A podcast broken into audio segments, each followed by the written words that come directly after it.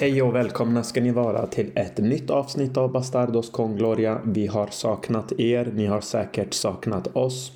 Vi har haft mycket att eh, göra och ibland blir det så i livet men vi är här för er skull som vanligt. Försöker göra det bästa av eh, det vi kan helt enkelt. Eh, och eh, vi är glada att vara tillbaka. Eh, vi är inne på avsnitt 112 och med mig har jag såklart som vanligt min kompanjon, min vän Berger Taher. Läget med dig Bergerinho? Jo, men tack, tack. Det är bra med den. Hur är det själv då? Det är bara bra. Eh, man har ju börjat jobba igen. Eh, det mm. känns eh, kul. Det känns lite segt men eh, man börjar komma lite igång i alla fall. Eh, och eh, sen ser man ju såklart fram emot den nya säsongen. Eller ja, det beror lite på. Men ja, som du märker, det är många känslor just nu. Ja, men jag kan förstå det. Mm. det samma här, tillbaka på spåret om man säger så efter eh, sommarlov. Mm. Vi som jobbar i skolan säger sommarlov, men semester. Mm. Eh, dock ska jag vara hemma eh, ett par veckor eh, med min eh, yngsta. Så det blir ändå ganska lugn start eh, på den nya säsongen för min del. Mm. Eh, men det är ändå skönt att liksom, jag kan tänka mig att det är skönt att ändå få tillbaka sina rutiner och komma tillbaka och det här vädret som det har varit nu senaste månaden. Mm. Det är liksom lika bra att sätta igång och dra av plåstret bara och köra. Exakt så. Uh, man, uh, man lever. Det är så man vet man lever när man har sina rutiner va. Uh, typ, typ. mm. ja. och, och vi har fått tillbaka våra liksom ordinarie sömntimmar också efter en försäsong i USA. Så att, eh, det är skönt det också. Mm, verkligen. Ja du, eh, som vanligt Bergarinho, som jag brukar säga, vi har ju väldigt mycket att prata om när det kommer till världens största eh, klubb så vi ska inte spilla någon tid här inte. Men eh, som sagt, kul att vi båda är tillbaks på spåret igen. Eh, vi ska börja med försäsongen såklart, eh, summera lite vad som har hänt där man kan ju säga att det har varit en eh, eh också en sån där eh, blandade känslor egentligen vad man känner kring försäsongen. Eh, jag själv tycker att eh, spelmässigt så har det varit lite kul att se att det har funnits många olika formationer, spelsätt, eh, lite olika spelstilar. Det har varit kul att se Bellingham skina. Eh, tråkigt med Arda Güler som eh, har eh, opererat knät och så.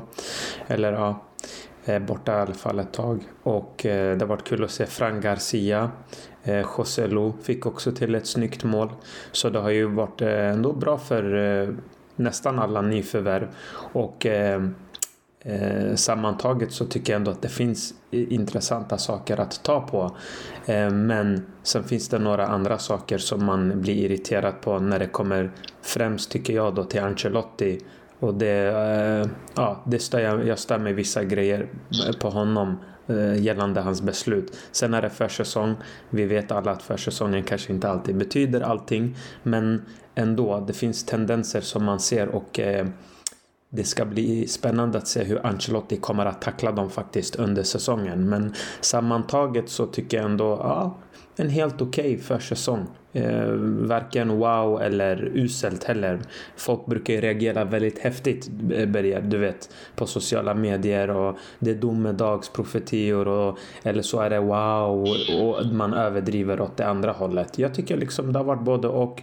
Eh, roligast har varit, tycker jag, att Chouameni och Kamavinga har sett så faktiskt bra ut. Det är vad jag tar med mig. Själv då? Vad, vad säger du om försäsongen? Ja, men jag instämmer där. Det har varit eh, kul att det har varit en liten förändring, eller ganska stor förändring i sättet vi spelar.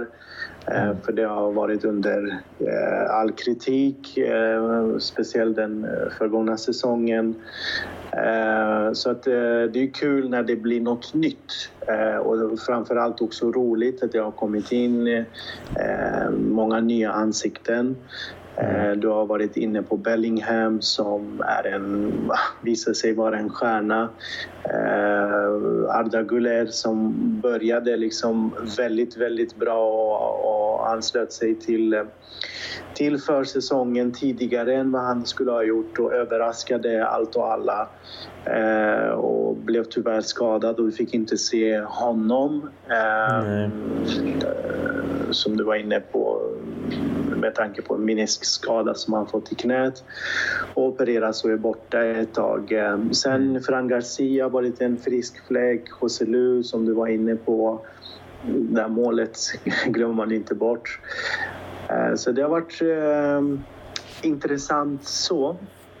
Dock, eh, ja, vi har ju tjatat om Ancelotti och om vissa beslut eh, och eh, hans sätt att, att leda den här truppen, alltså som helhet. Eh, när man ändå spelar en försäsongsmatch till exempel. Mm, jag var kanske en av dem som ehm, skrek högst på, på Twitter eller eh, ropade högst efter förlusten i en klassiker. Jag tyckte det inte var okej okay mm. att förlora med 3-0. Eh, mm. när man på förhand hade förväntningar på att Real Madrid skulle vinna med 3-0, att det blev åt det andra hållet. Mm. Eh, också på grund av att eh, man såg att det fanns en kortsiktig eh, syn i det Ancelotti gör. Han vill bara vinna matchen där och då det är inte försäsong. Han luftade inte vissa spelare till exempel som skulle eller borde ha också fått spela. Eh, speciellt när det är försäsong. Jag tänker på exempelvis som jag var inne på den här 18-åringen. Det är den enda eh, spelaren från kanteran som följer med eh, A-truppen tack vare att Dani Ceballos skadade sig så förmodligen skulle ingen få följa med. Det är också under all kritik där det inte finns en långsiktig plan kring det Ancelotti gör utan det är väldigt kortsiktigt. Men att han inte får ens hoppa in i en sån match eller Antonio Rudiger till exempel som borde vara given startspelare egentligen i de flesta lagen i Europa men mm. i, får inte spela i en sån match när man såg att de sista tio minuterna i Clasico så blev ju Real Madrid tröttare och tröttare och, och det var en intensiv match och så. Men eh, det positiva som man kan ta med förutom de här två sista förlusterna är ju att eh, det är roligt att det är en, det finns en förändring. Sen om eh, det blir positivt i längden det, det, får vi, det får tiden avgöra, så får man se. Men mm. just den här diamantformationen som Ancelotti har använt sig av, så det, det, det blir intressant. Eller vad ska jag säga, det, blir, det är bara kul att det sker en förändring för vi har velat se en förändring. Eh, om det var i tränarbyte eller i spelsätt och så vidare. Eh, nu kom det en förändring så det blir intressant. Mm, absolut. Ja, men jag kan hålla verkligen med dig om att eh, det man eftersträvar här någonstans det är ju att Ancelotti ska under säsongens gång kunna visa varje omgång eh, en taktik där man känner att okej, okay, nu händer någonting oförutsägbart. Det här var inte motståndarna beredd på. Men det känns väldigt mycket som att vi kommer få se igen samma sak. Motståndarna kommer vara beredda på vad vi ska göra. De kommer veta exakt eh, hur de ska göra för att de ska försvåra saker och ting för Real Madrid. Eh, och ja, men precis, precis. Det är lite så jag känner kring liksom eh, det vi saknar och det man vill mer se från en försäsong är ju ändå lite eh, ja, mer av den typen av fotboll. Att man är, för du, där tror jag att vi är ganska lika men där är kanske jag lite mer radikal i att jag vill ju se mer inte mer taktik, det låter fel. Det är som att säga att Ancelotti inte kan taktik. Det är klart han kan det. Han är en fantastisk tränare, en legend. Han har mycket erfarenhet. Men det känns som att han inte hänger med i svängarna längre. Och det ser man när saker och ting blir väldigt individuellt baserat. Eh, om den här spelaren inte spelar, då faller det mesta. Men om den här spelar, då är det bra. Ena dagen är den här spelaren bra, men nästa vecka är den här bättre. Och det är det som liksom är, blir lite där synonyma när vi kommer in på att oj, nu är det bara det individuella vi pekar på. Vi pratar liksom inte om det kollektiva. Nu tog vi upp då såklart att han har eh, skiftat 4-2-3 diamant och så vidare och det är ju kul. Så man hoppas ju att han kan ta steget längre och det är det man undrar om han verkligen kan. För det är som du säger, han vill inte använda Canteranos. Han vill alltid sätta en 11 och det är väl bra att man har en 11 men man måste tänka på att säsongen är väldigt lång och de här organisationerna, de bryr sig inte om fotbollsspelarnas hälsa längre. Så det blir bara fler och fler matcher, fler och fler turneringar som man är med i. Då måste man kunna använda hela truppen. Så det är lite det. Och där är det ja, också exakt, varit mycket inne på. Exakt. Eh, så pass mycket. Du och jag till exempel, nu har vi pratat lite om eh, vissa spelare som har anlänt till, till laget men vi nämnde inte ens Brahim Diaz för att vi fick knappt se honom. Ja, exakt. Och det är så här, eh, okej, okay, men ta hem honom från Milan eh, och få hoppa in, vad är det, sista fem mm. i ett klassiko när han kanske ska spela lite mer, få in honom lite mer i spelet. Och det här pratade du och jag lite över telefon att göra det här bytet att ta ut en spelare, till exempel ta ut Rodrigo och sätta in Brahim Diaz. Det blir ingen, det blir ingen, liksom, det blir ingen effekt, det blir ingen skillnad. Det, det, det, det är ingen liksom taktisk drag när du ligger under att du ska ta ut ena och bara sätta in en likvärdig spelare, kanske en sämre spelare. Så att, ja, men vissa saker och man hoppas ju verkligen på att eh, eh gubben lär sig, men det gör han ju inte. Det, jag har fan varit inne på det här eh, många gånger. Eh, mm. Man får liksom ha tålamod och, och acceptera läget eh, lite grann. Men, men skönt att det är ändå någonting nytt, vilket eh, kan vara intressant. Vi såg ju, om man, om man liksom pekar på vad vi ser som är nytt, det är inte bara att formationen, men jag såg ju ett mer aggressivt försvarsspel, Eh, man pressar ganska mycket, gjorde det framför allt mot Barca, gjorde det hem, eh, i matchen mot Juventus också. Mm. Man låg under. Och det är intressant, verkligen. Eh, för det har vi eftersträvat, lite mer aggressiv och mer pressspel där vi har brustit ganska mycket, speciellt mot lag som har du någon favorit? sämre än oss eller när vi ligger under och så vidare. Så vi är inte uh, så passiva längre. Sen har vi ju mm. haft liksom ett kontringsspel som har som har ju ändå det känns som att man skruvat på den lite, lite mer. Visst, det blir ju fascinerande att se hur det går utan Benzema. Mm. Och det är lite enklare att endast spela kontringsspel när du har Vinicius och Rodrigo där framme. Eller det blir ju bara enbart det. Men, men det känns som om det hade också skruvats på en aning. Vi såg ett kontringsmål till exempel i matchen mot Juventus. Det fanns tendenser i Barca-match och även de tidigare matcherna eh, mot Milan och eh, United också. Precis. Ja, men alltså återigen, jag tror inte det är mycket vi fans kräver utan man är ju liksom lack från förra säsongen att Real Madrid liksom inte kom upp till sina nivåer. Man borde vinna ligatiteln, tycker jag fortfarande. Jag tycker även den här säsongen, det är nästan ännu värre den här säsongen. Real måste vinna ligatiteln, det är ett minimum. Men för att man ska göra det, då måste man känna att det här eh, att det finns ett kollektiv som kan göra det. Och här blir det också intressant att se nu då, vilken blir formationen och elvan som är bäst. Eh, och jag är lite inne på att Eh, man ska börja fasa ut vissa spelare. Jag hoppas, jag tyckte det var kul att se de här fyra mittfältarna tillsammans. Kamavinga, Chouameni, Valverde eh, och ehm, Bellingham. Bellingham. Det var faktiskt väldigt roligt att se de fyra tillsammans. Det gav en helt annan stabilitet och jag tror faktiskt på Vinicius eh, när han viker in centralt.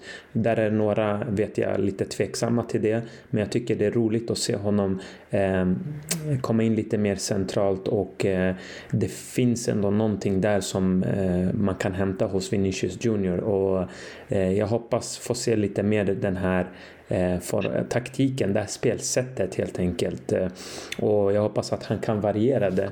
Men min fråga till dig ändå Bergar.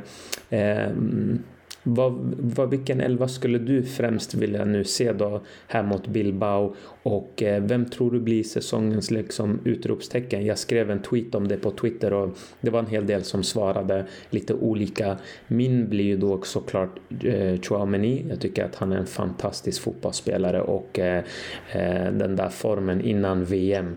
Jag såg lite den under försäsongen. Han är ett eh, djur. Eh, han är eh, smart, han är eh, allt. Alltså han täcker sådana ytor. Det är få i världen som kan göra så mycket som han kan göra.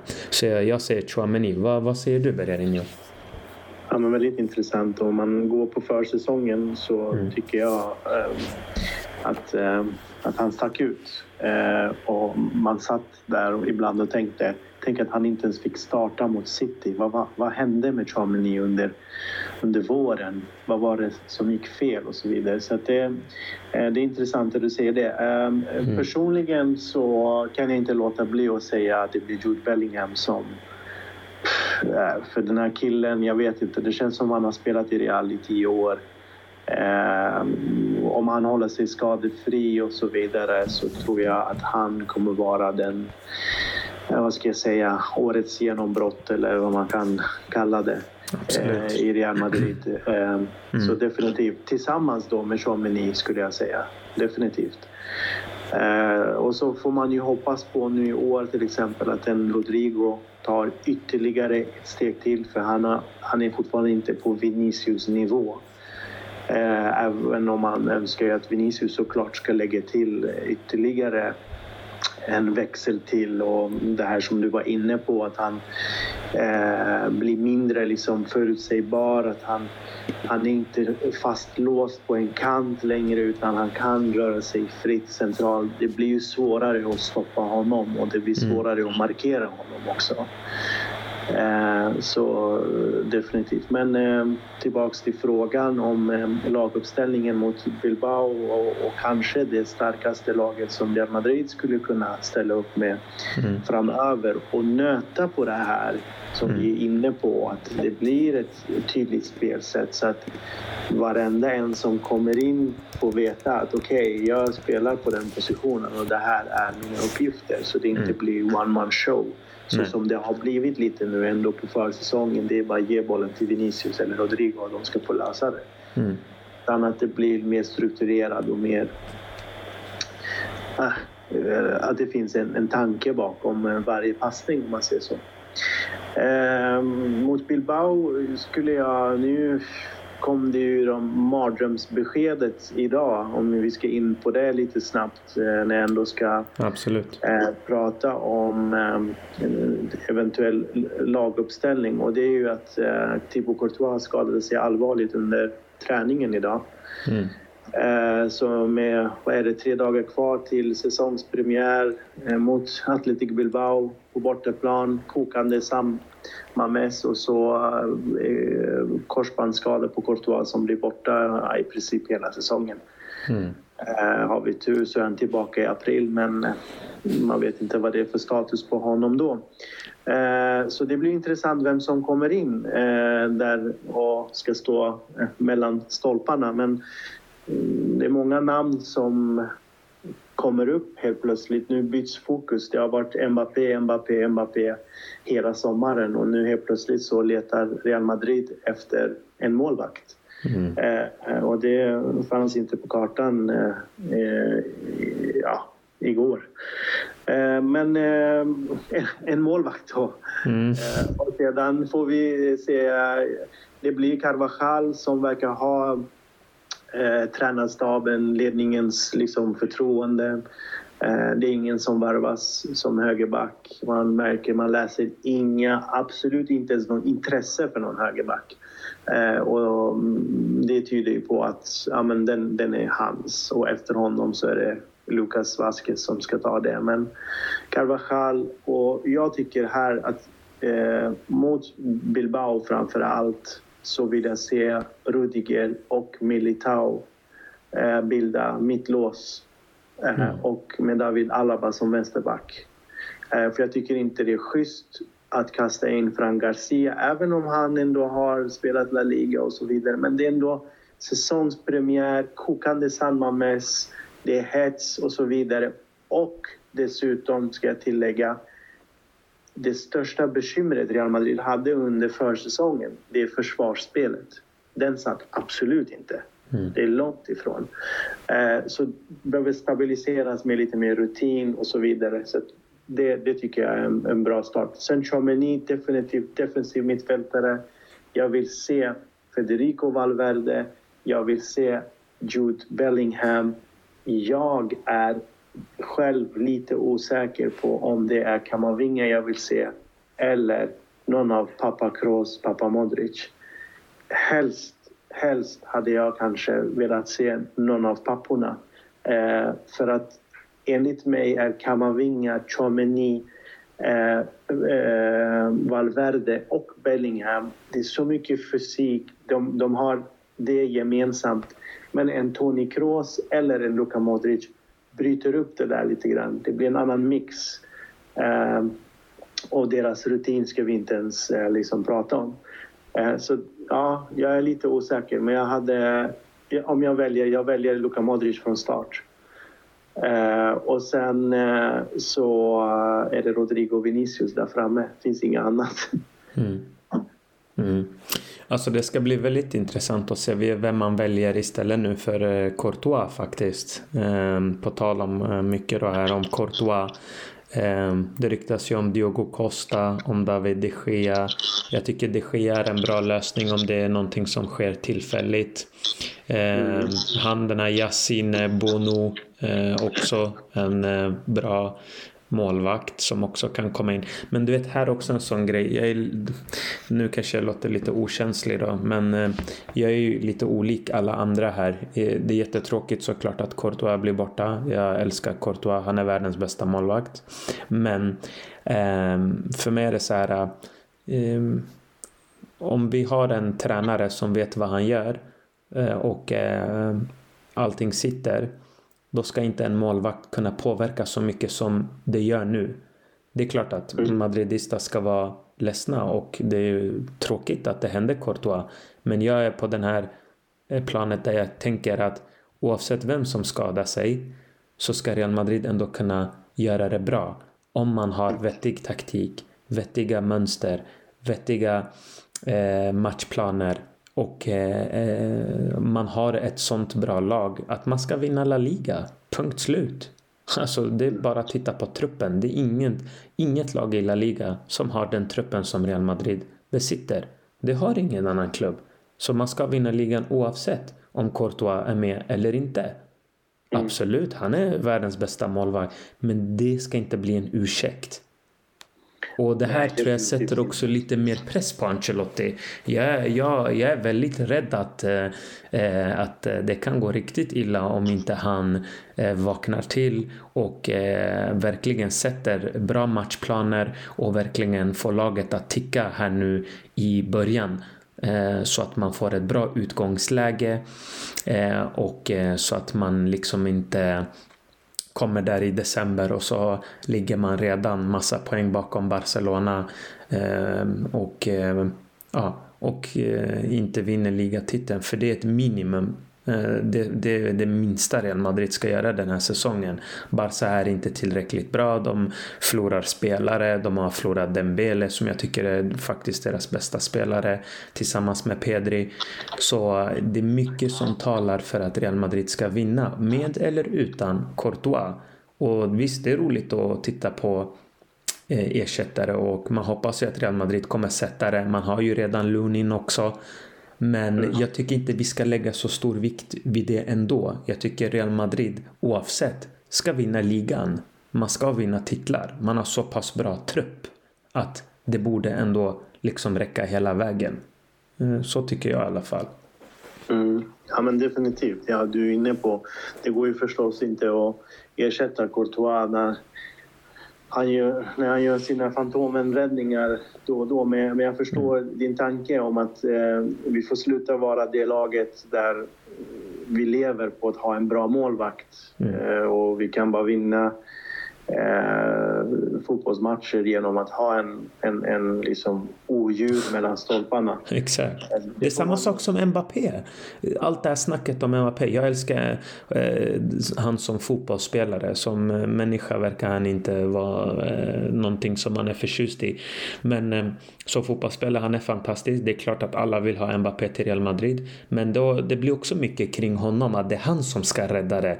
V vad ska han rädda om Real Madrid är förutsägbara? Inte ens han kommer kunna... Nej, det går ju inte. Nej, Nej. det går inte. Det är det. Inte ens Maradona skulle kunna göra det. Nej, det går inte.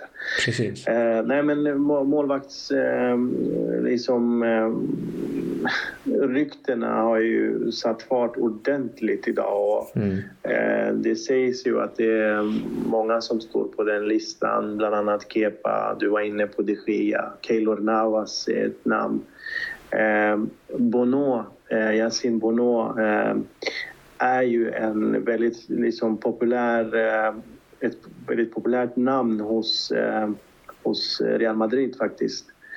Eh, det är den målvakten som eh, enligt liksom, nya rykten och så vidare eh, har den bästa profilen som motsvarar Real Madrids förväntningar. Eh, så att det kan vara så att eh, om de kommer överens med Sevilla att det blir faktiskt Yasin Bono som kommer att eh, eh, värvas in. Och han är ju van vid, vid stora utmaningar också. Vi minns ju honom i VM eh, när han fick stå emot väldigt mycket eh, med, med Marocko. Eh, men också har vi ju sett honom i Europaligan och vunnit eh, ett par, tror jag, Europa League med, med Sevilla också. Så att, eh, där är det någon som skulle, eller som sägs vara faktiskt på, ska inte säga ingång, men intresset är väldigt stort kring honom. Mm. Han försvinner dock om han skulle komma på vad heter det, eh, Afrikanska mästerskapet eh, som spelas i januari. Eh, och, det kan ju också vara positivt för en Lunin till exempel att ja, men då vet han att det är där han får visa om han, han ska vara kvar eller inte. Eh, istället för att ta in ett stort namn och, och verkligen trampa på André Lunin helt och hållet. Mm. Ja. Ja, men det blir intressant att följa och se vad, vad som kommer hända där. Vi mm. håller tummarna att eh, det blir också en målvakt. Ja, det är också det är lite svårt. Ska man verkligen satsa på en kille till exempel som Diogo Costa som är verkligen grym. Som kommer bli fantastisk som målvakt. Det är den portugisen va? Mm, precis. Ja, det. Av det jag sett så tycker jag att han är fantastisk. Men eh, vad händer liksom när Courtois kommer tillbaka? Eller tänker man att efter en sån här skada är det, kommer man inte vara densamma? Jag vet inte. Det är väldigt svårt att, liksom, att spekulera i. Mm. Ja. Ändå lite kul om det skulle bli David de Gea faktiskt. Även om jag inte gillar honom som... Mm. Alltså som på senare år så tycker jag inte att han har den kvaliteten. Men, Nej, exakt. Men, men efter liksom den stora händelsen med faxmaskiner och allt det här som var kring honom var 2013. Mm.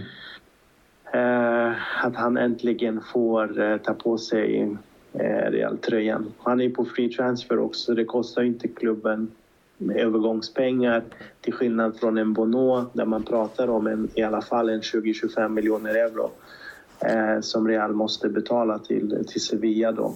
Ja, och så kan jag tycka att det är lite roligt att vi tar en, ännu en Atletico Madrid-målvakt. Bara det är ja, lite roligt. Precis. Ja. Mm. Det, det, det, är också eh, ganska, ganska roligt och, och om det skulle hända. Det, det, är en förändring och du, jag pratar om förändringar och det, mm. jag, jag, håller med dig. Alltså, självklart, eh, man är ju ledsen för Courtois och allt det där som du har varit inne på. Jag ska inte upprepa det men eh, det blir ett nytt sätt att tänka eh, och det blir en förändring. Benzema är borta, det måste ske en förändring. Courtois är borta, nu måste det ske en förändring. Det är de två absolut, eh, jag skulle säga kanske två av tre eh, största pelarna vi har haft i Real Madrid de senaste ja, åren i alla fall. Så att, Mm, eh, när de båda är borta, nu, nu måste man tänka om. Och, och då får man ju se vad Carlo Ancelotti har i bakfickan att ta fram. Mm, verkligen. Ja, men det är samma sak med Modric Kroos med. De börjar också bli till åren. Det är sista säsongen båda antagligen gör.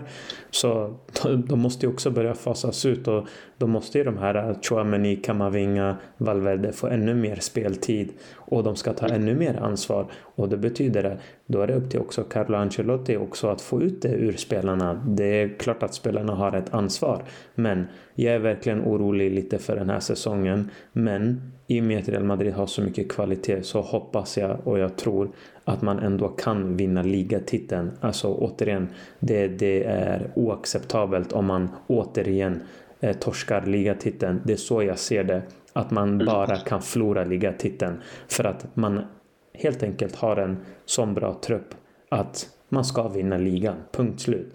Champions League, du vet själv. Det är mycket som ska gå rätt väg för att man ska vinna, eh, även om Real Madrid alltid är Real Madrid. Men ligatiteln, liksom, det är ett minimum. Men du Berger, eh, vi har varit inne mycket på nu ligastarten här mot Bilbao. Det kommer bli tufft. Vi har varit inne på försäsongen, formationer och taktik. Nu måste vi gå in lite på ändå snackisen och det är ändå, vi tog upp det lite, men vad säger du nu om Mbappé? Är det här liksom sista chansen eller tror du att eh, Real Madrid har ett eh, avtal med honom 2024? Eh, ett avtal 2024, det, det är jag alltså jättesäker på att det finns. Eh, mm. Allt tyder på det också i och med att han inte vill förlänga. Um, och att Real Madrid också är så passiva så som de är. Så det tyder på att det finns en, en liksom en överenskommelse. Mm. Eh, och Mbappé och just den här affären är så opålitlig att eh, man vågar eh, säga bu eller bä. Eh, mm. Det har ju varit liksom den stora eh, snackisen har varit starkt kopplad till, eh, till Real och eh, PSG lämnade honom utanför försäsongsturnén. Eh, Hans tröjor säljs inte längre, hans affisch är nedplockad. Han kommer 31, han kommer 21, han kommer 12, han kommer sista augusti. Han kommer den här sommaren. Eh, men idag så kom det en bomb från eh, Le Parisien, den franska dagstidningen, om att eh, Kylian Mbappé tänker stanna i Paris. Mm. Och det sa han ju när han eh, gick den 12 juni gick mm. ut med precis brevet eh, om att han inte vill förlänga eh, och, eh, men jag kommer att stanna eh, i Paris eh, ännu en säsong och sen dess har han varit tyst. Har han, han ser lite obrydd ut. man följer liksom att han får träna med de oönskade spelarna i PSG men när hans lagkamrater lägger upp bilder på sociala medier så ser han glad, positiv ut. Han skriver autografer och han är på festklubb eh, eller på nattklubbar och liksom... På festhumör. Det känns som om, det känns som om ingenting händer runt honom. Mm. Uh, och mm, jag vet att det har skrivits så mycket som man blir väldigt så här, eh, osäker på sig själv. Eh, jag har varit väldigt osäker på om den här affären kommer att ske den här mm. sommaren. Eh, så fort jag läste brevet, så fort eh, jag fick känslan av att det finns ett, eh, ett en överenskommelse, ett kontrakt nästa år. Eh, Real Madrid varför skulle de betala för Mbappé om de har säkrat honom gratis nästa år? Mbappé, varför ska han lämna PSG när han den 31 kommer få resten av eh, sin eh, lojalitetsbonus, eh, den feta lönen och samt en stor fet bonus när han signar för Real Madrid nästa år. Eh, visst, han har blivit hotad till att inte få spela. Han har liksom... Ja, jag var inne på vad som har hänt. Men eh, han ser obrydd ut, så jag vet inte. Nej. Är det taktiskt? Man blir så här fundersam. Ja. Eh, är de tysta, både Real och Mbappé, för att få PSG att agera först? Eller ytterligare något snedsteg från eh, för Mr Nasser El Khelaifi? Eller eh, va, ah, så man, man vet inte. Jag, mm. jag är jättekluven i det här. Och... Jag var ju väldigt övertygad. Jag är fortfarande ganska, eh, eller inte ganska säker. Det är som du säger, man eh, ifrågasätter sin egen existens ibland när det kommer till den här Mbappé-affären. Eh, och så fort man slår på sociala medier så blir man bara gråhårig. Men något säger mig att som du säger, allt som har hänt, det kan inte bara vara ingenting. Det är ju någonting som verkligen har ju hänt. Man plockar bort honom som du säger från olika grejer och, och så vidare. Och det som du säger, Real Madrid har valt att vara väldigt tysta, även Mbappé. Som du säger, det, det, alltså något är det ju, men man blir ju så osäker. Och sen blir man ju ännu osäkrare när man men, först, de skriver så här. Han, han ska idag säga La Parisien. Han kommer inte.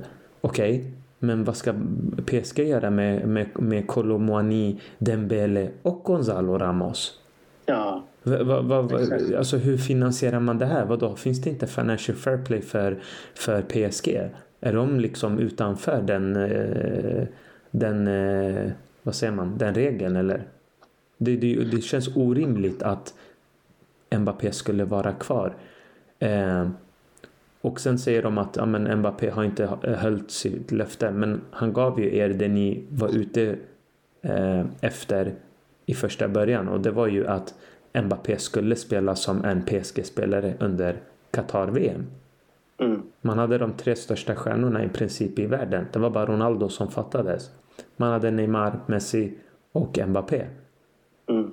Och man fick det man ville och nu ska man komma ut och leka lite offer. Ah, nej men eh, Mbappé han har svikit oss och han har gjort det och han har gjort det andra. Han verkar ju vara väldigt obrydd för att känna att han har svikit dem liksom. Så någonting är det ju. Men jag vet inte bara varför det tar så lång tid och varför Real Madrid och Mbappé själva är så tysta. Det är intressant att veta varför. Något är det ju. Men jag tänker så här. Det är klart att man kommer gå efter Mbappé oavsett, även nästa år. Men det känns lite som att han blir bara oskönare och oskönare i mångas ögon. Eh, och det som är farligt, du och jag pratade om det på telefon, vilket jag tycker är viktigt att vi nämner här. Han lägger väldigt mycket press på sig själv också. Alltså tänk dig att inte komma nu och han kommer nästa, alltså han, förväntningarna på honom, alltså de kommer vara enorma. Alltså vi pratar Cristiano Ronaldo förväntningar. Det räcker inte med 20 mål. Han måste ge 30. 50. Ja, ja, 50. Alltså med tanke på att om nu inte han... Och sen också så här, vad händer om han skriver på ett nytt kontrakt? Vad är, ut, vad är utgångsklausulen då? 10 miljarder eller? Ja, för, det, för det, det går ju de ryktena också om att han ska skriva ett nytt kontrakt. Mm. Eh, alltså, för den här kommande säsongen mm. och så mm. ska det finnas klausul i, alltså utköpsklausul i det nästa sommar mm. eh, där Real Madrid kan köpa loss honom. Men jag tror inte han blir intressant för Real Madrid då. Absolut inte. Alltså, om det finns en överenskommelse, vilket om man tittar på, om man summerar, summa summarum, alla rykten, alla intensiva rykten och vad som händer härnäst och så vidare, är ju det är nästan helt klart att det finns en överenskommelse mellan Real och Mbappé 2024. Mm. Eh, även om jag ändå ifrågasätter mig själv ibland. Eller finns det? Är det muntligt? Är det påskrivet? Du vet, man håller på sådär för det den här killen som du är inne på mm. blir... Alltså, man nästan vill inte ha honom i, i Real Madrid och stannar han den här säsongen Eh, även om jag har sagt själv att ah, men jag tror inte han kommer, han är opålitlig, lalala. Jag vill nästan inte att han kommer nästa år. Jag vill att han stannar i PSG för resten av livet. Stanna där, kom inte. Exakt. Eh, så det, det är oklart. Och, om det måste hända något drastiskt de sista veckorna nu, det är bara några veckor kvar. Mm. Eh, jag har haft en känsla om att Real kommer inte att lägga något bud nu i juli för att sedan ska PSG säga aha, ni la 200 men Al Hilal har lagt 300 så kan ni höja? Kan ni komma tillbaka? Eller Liverpool har lagt så mycket eller United la så och så vidare utan jag tror att det kommer vara tysta, alla lägger sina bud, de blir nekade. Mbappé, nej tack, nej tack, jag vill till Real Madrid. Och så kommer nog Real Madrid-bud sista veckan, förhoppningsvis. Mm. Eh, och det är ett bud som Real Madrid själva får bestämma då. Förra gången så la de ett fantasibud på Mbappé. De ville verkligen, de försökte, de gick all in. Men det bemötande de fick tillbaka om jag känner Real Madrid rätt, om jag liksom har följt det här laget i ja, så många år. Mm. Real gör inte samma misstag igen. Precis. Mm. Real går inte och lägger 250 bara sådär. Om inte PSG, snälla, gör det. Vi vill bli av med honom. Eller Mbappé själv går ut sista veckorna och säger det finns ingen chans att jag stannar i det här laget. Jag har kommit överens med klubben att någon, ja, jag måste härifrån. Mm. Då, eventuellt. Men då får man ju bestämma budet själv sista veckan. Kanske kommer en 80, 90, 100. Jag vet inte. Uh, miljoners uh, bud så får man chansa. Jag tror inte det kommer någon 150-200. Det, det är lite omöjligt. Jag, det... jag tror faktiskt inte... Det sägs att Real sitter på de pengarna, men jag tror faktiskt inte det. Nej. Det som får mig att fortfarande tro, det är Al Nassers uttalande när han sa om inte Mbappé vill skriva på ett nytt kontrakt så är dörren öppen. Det är så för honom och alla andra. Han sa ingen är större än klubben och inte ens jag. Det, det är tydligt. Eh, och Eh, han kan inte gå gratis. Det är inte diskutabelt och han måste bestämma sig högst inom två veckor. Eh, antingen skriver han på nytt kontrakt eller så går han. Ja exakt, men, men menar, vet du vad, i det här läget mm. Mbappé sitter med alla kort i sin hand. Precis. El Nasser, han, det är schackmatt på honom. Ja. Han är, han är alltså... Schackmattad. Mm. Ja. Är, han, har inget, han har ingen talan. För mm. att han säger jag vill sälja honom för att han vet att hans största stjärna kommer att lämna gratis nästa år. Och det vill han ju inte. Nej. Och med tanke på de här värvningarna som de har gjort på Financial Fair Play. Jag vet att PSG kommer runt det där. Absolut, det gör de. Men någonstans ser det kanske lite bättre ut i eh, bokslutet om, om, om det kommer in en, en 150 miljoner också. Eh, när de ändå har värvat Gonzalo Ramos, Dembele, eh, han mittfältaren, jag kommer inte ihåg hans namn, från, är det från Benfica eller Porto han köptes? Precis. Mm. Eh, eh, fått in Skrinja, absolut, han är ju på free transfer men så att det ena och det andra. Eh, så att Nasser, han, är, han har ingenting att komma med så därför de måste i princip tvinga ut Mbappé. Du får inte följa med till Japan, dina tröjor säljs inte, ditt namn raderas och så vidare. Men där sitter Mbappé och är helt obrydd. Han bryr sig inte. För han säger, tänker du sålde inte mig sist eller det här som hände sist, nu fick jag stanna. Jag, jag, jag fick stanna, jag fick äta upp hela den där skitsäsongen som de hade förra säsongen. Eh, hjälpte inte honom någonstans i VM eller eh, all fokus var på Messi, Messi, Messi, Qatar och Messi. Eh, Mbappé var inte nummer ett i det läget. Eh, så att det finns ju mycket som, som Mbappé har i sin hand som han kan gå på. Och pengarmässigt, det får man inte glömma bort. Det finns så mycket pengar som han kan hämta. Ehm, så att eh, det är en stor förlust för PSG. Så att han måste agera så där, eh, presidenten. Mm. Och hoppas på att sälja honom. Precis. Men sedan har han ju varit den som i princip försökt ha övertaget på Real Madrid. Varit den som har skrattat Florentino Perez i ansiktet sist när han förlängde Mbappé. Mm. Och Real Madrid, de väntar på att han ska vända själv. Mm. eh, som en liten vovve och säga snälla, kan ni komma in med bud nu? Ja. Köp honom. Mm. Vi, vi ska sälja honom. Och gör han inte det, då får han stanna kvar. Real tar honom gratis nästa år. Ja. Mm. Win-win för Real och Mbappé.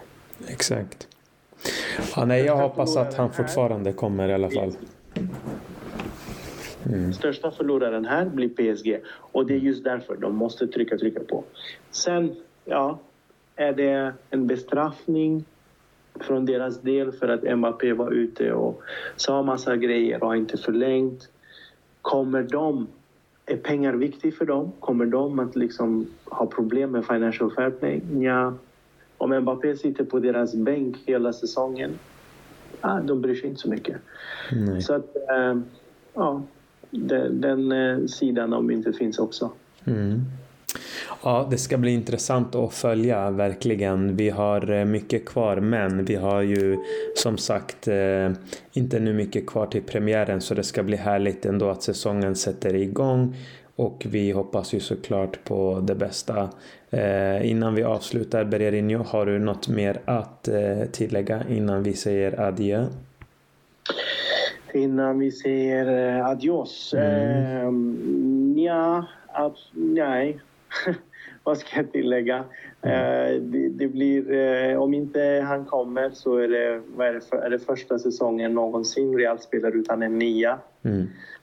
Eh, kommer ingen målvakt är det Kamavinga som får ställa sig då. Ja, exakt. Han, han spelar ju redan överallt. Ja, men alltså, Han- man kan ju vara ärlig. Ja, men man ska vara ärlig. Alltså, så här. Real ska vinna ligan. Alla madridistas är överens om att Real måste vinna ligan. Man måste ta en Och- titel. Och, och, om jag får fråga dig, hur ska Real Madrid vinna ligan? Enligt mig, om Real Madrid ska vinna Vi har, vi har varit inne på spelsättet, att det måste Mm. nötas varje omgång om och om igen. Mm, Definitivt. Att det ska vara eh, eh, mindre förutsägbart. mm, att man inte liksom två timmar innan man släpper laguppställningen och den ser ut som veckan innan och veckan innan och veckan innan och det är ingen skillnad och Mm. alla bollar går via Vinicius. Ja, alla visste om det där. mm, exakt. Eh, finns det någonting annat här? Mm. Jag har till exempel också varit inne på att man måste använda hela truppen oavsett vilka spelare det är. Om det är Mariano Diaz, om det är eh, Ricardo Kaká eller om det är eh, ja, vem, vem än det är. Det måste användas. För man vinner inte flera titlar eller det är svårt att bara slåss om en ligatitel med 12, 13, 14 spelare när man samtidigt ska tävla i Copa del Rey, Champions League och la la la. Mm. Men finns det något annat som du tänker? Jag skulle säga så här att det är ju så här att Real Madrid har ju, ju, hade ju redan förra säsongen enorma problem med målskyttet. Del, delvis också på grund av Benzema var skadad men också som du säger vi var totalt förutsägbara. Jag tror att det enda sättet för Real Madrid, eller enda, jag tror det som är viktigt för Real Madrid den här säsongen det är att man sätter försvarsspelet. Man försöker spela en så kontrollerad fotboll som möjligt och försöker vinna de här jämna matcherna eh, så gott man kan. Eh, för att det är det det kommer handla om. Gör som Barcelona gör. Vinn de här 0-0 matcherna. Försök vinna de här eh, 0-0 matcherna eh, eller de här eh, jämna matcherna med 1-0. Så som Zidane gjorde när han hade eh, så många borta och skador. Han satsade på defensiven. Han säkrade defensiven och vann eh, ligan på det sättet. Det är det Ancelotti kan göra. Sättes, eh, var, var tråkiga. Hellre att man backar hem och är tråkiga än att man försöker på sig någonting som man inte mäktar av för att man inte har spelarna för det. Och någonting som vi verkligen ska satsa på det är ju mittfältet. Det är ingen klubb i världen som har det här mittfältet som Real Madrid har. Utnyttja det. Använd det. Sätt, sätt, sätt dem på planen. Kontrollera matcherna och sen får man hoppas på att eh, vi har Valverde som kan göra en 10-15 mål. Kanske att Jude Bellingham gör en så, lika många. Och att man sprider verkligen eh, målen så gott man kan. Men det är helt klart i alla fall att jag tror att vägen till att vinna ligatiteln den här säsongen det är att säkra så mycket man kan. Jag tror inte på att Angelotti, det är min dröm, men det är en dröm. Jag tror att han vill lä lämna med flaggan i toppen. Jag tror att han kommer säkra mer än någonsin och jag hoppas att han gör det. Det kommer vara tråkigt. Det kommer inte vara det roligaste att se på. Men jag hoppas att han lämnar med flaggan i topp. Att mm. han inte försöker kanske på sig någonting nytt. Och det är väl det kanske som jag tänker så här. Jag vill se någonting nytt. Men nu när jag tänker efter, kanske ändå inte. Alltså är det verkligen läge för honom att börja med någon diamant och jag vet inte någon, någonting som han inte behärskar, någonting som han inte har prövat. Låt han alltså, gå på det han, han vet. Kan, ja, han kan ju diamanten. Alltså, det, det är hans Milan uppställning och han borde kunna sätta den. Det är osäkert, men ja, jag förstår vad du menar. Men, men, men eh, jag, jag tycker däremot absolut, han måste göra något långsiktigt för Real Madrid. Jag vill hellre, alltså om man tänker eh, lite eh, liksom outside the box. Jag vill hellre att han sätter något långsiktigt och lämnar än att han vinner kortsiktigt egentligen. Jag lovar dig. Mm. För att eh, de här unga spelarna som vi har nu, de behöver rätt guidning i, i rätt riktning. Eh, och sätter han dem liksom kriterierna eller eh, den ribban, den nivån som de här spelarna ska liksom föra vidare eh, då, då är det mycket vunnet eh, redan där. Mm. Men eh, jag tänker också fråga dig, tror du att eh, eh, kommer det ha någon negativ inverkan på att alla vet att han ska lämna nästa säsong? Nej, det tror jag inte. Jag tror att eh, Ancelotti är en sån professionell eh, eh tränare och som person att jag tror inte det kommer påverka spelarna faktiskt ett dugg. Spelare på den här nivån, de, de, jag tror inte de tänker så mycket på det utan de tänker på att ha en bra säsong med Real Madrid och sen är det också några spelare som är nya. De kommer vilja visa upp sig. Eh, så jag tror sammantaget att jag har svårt att se att den grejen skulle ha någon effekt på eh, hur de presterar. Däremot så kan man ju kanske tänka sig att hur påverkar det Ancelotti? Det är det som är det intressanta om man vänder på det. Hur påverkar Ancelotti? Ja, jag tror återigen, jag tror att han kommer ta det säkra för det osäkra. Och det tror jag kan nästan vara till hans fördel.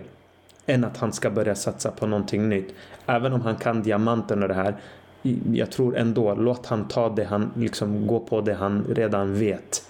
Eh, och, och, det är det här att han fortsätter ha bra relation till spelarna, han fortsätter sätta sin elva och eh, förhoppningsvis så finns det fler spelare nu i laget som kan fylla på med mål. Valverde var ju en av dem.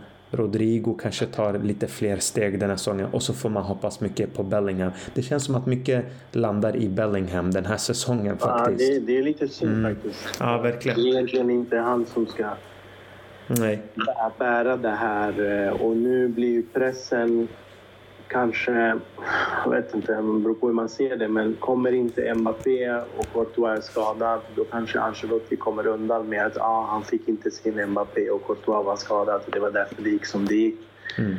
Eh, samtidigt som i Real Madrid så finns det inga ursäkter och då måste ju en sån spelare som Bellingham, som är ny, verkligen visa framfötterna och jag vet inte om 10 mål från honom och 10 från Valverde skulle, skulle vara tillräckligt. Det, det, tror jag inte. Däremot kanske en 15 från honom, en 15 från Valverde och en 15 från Joselu och en 10 från Brahim Diaz. Det skulle vara någonting för ligaspelet. Eh, eh, så det är viktigt att man, man har den här målskytten i Joselu till exempel. Att man vet varje gång han kommer in, han, han nätar. Eh, den känslan måste finnas för att jag är inte lika övertygad om anfallsspelet. Vinicius och Rodrigo, fantastiska spelare. Men ingen av dem är Cristiano Ronaldo. Ingen av dem är en sån typ av avslutare som... Eh, alltså, det, det, är, ingen, det är ingen nia direkt eller det är inga... Eh, offensiva som Mbappé, som Harry Kane, som, vad ska jag säga, som Lewandowski som kan garantera dig 35-40 mål. Mm. Eh, jag tror att det blir, det blir lite tufft och min känsla är att vi kommer att skapa mycket chanser så som det har varit på försäsongen men att när det inte finns en tillräckligt bra avslutare så um, kommer det inte lösa sig. Och då är det viktigt att de här andra som kommer från bänken, att speciellt Joselu som är den, den, vad ska jag säga, den renaste eller den um, uh, originala nian som vi har, renodlade heter det, eh, nian som vi har i laget, att han ändå får bli en Alvaro Morata och, och göra sina 18-19 mål som han gjorde den säsongen när han fick agera som inhoppare. Mm. Mm. Ja, nej, det är som sagt eh, en spännande säsong att se fram emot på lite olika sätt. Just nu kanske det är lite tufft men eh, jag tror att eh, en vinst mot Bilbao och eh, saker och ting kan börja se ljust ut. Jag hoppas verkligen att man tar tre poäng och mm, vi tar det nog därifrån säger jag. Mm. Grymt Bergar. tack för att du var med i det här avsnittet. Ja, men tack själv. Och eh, tack till alla som lyssnar. Eh, vi hörs på återseende. Adios!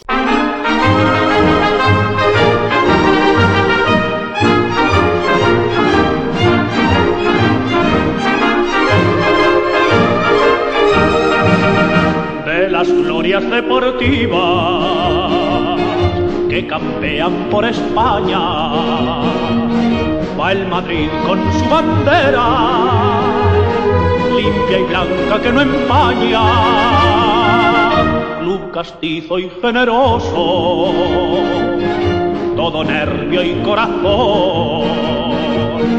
Veteranos y noveles, veteranos y noveles miran siempre sus laureles con respeto y emoción. A la Madrid, a la Madrid noble y bélico Atalid, caballero del honor. ¡A la Madrid! ¡A la Madrid! A triunfar en buena lid, defendiendo tu color. ¡A la Madrid! ¡A la Madrid! ¡A la Madrid! ¡A la Madrid! ¡A la Madrid! Noble y bélico Atalid, caballero del honor.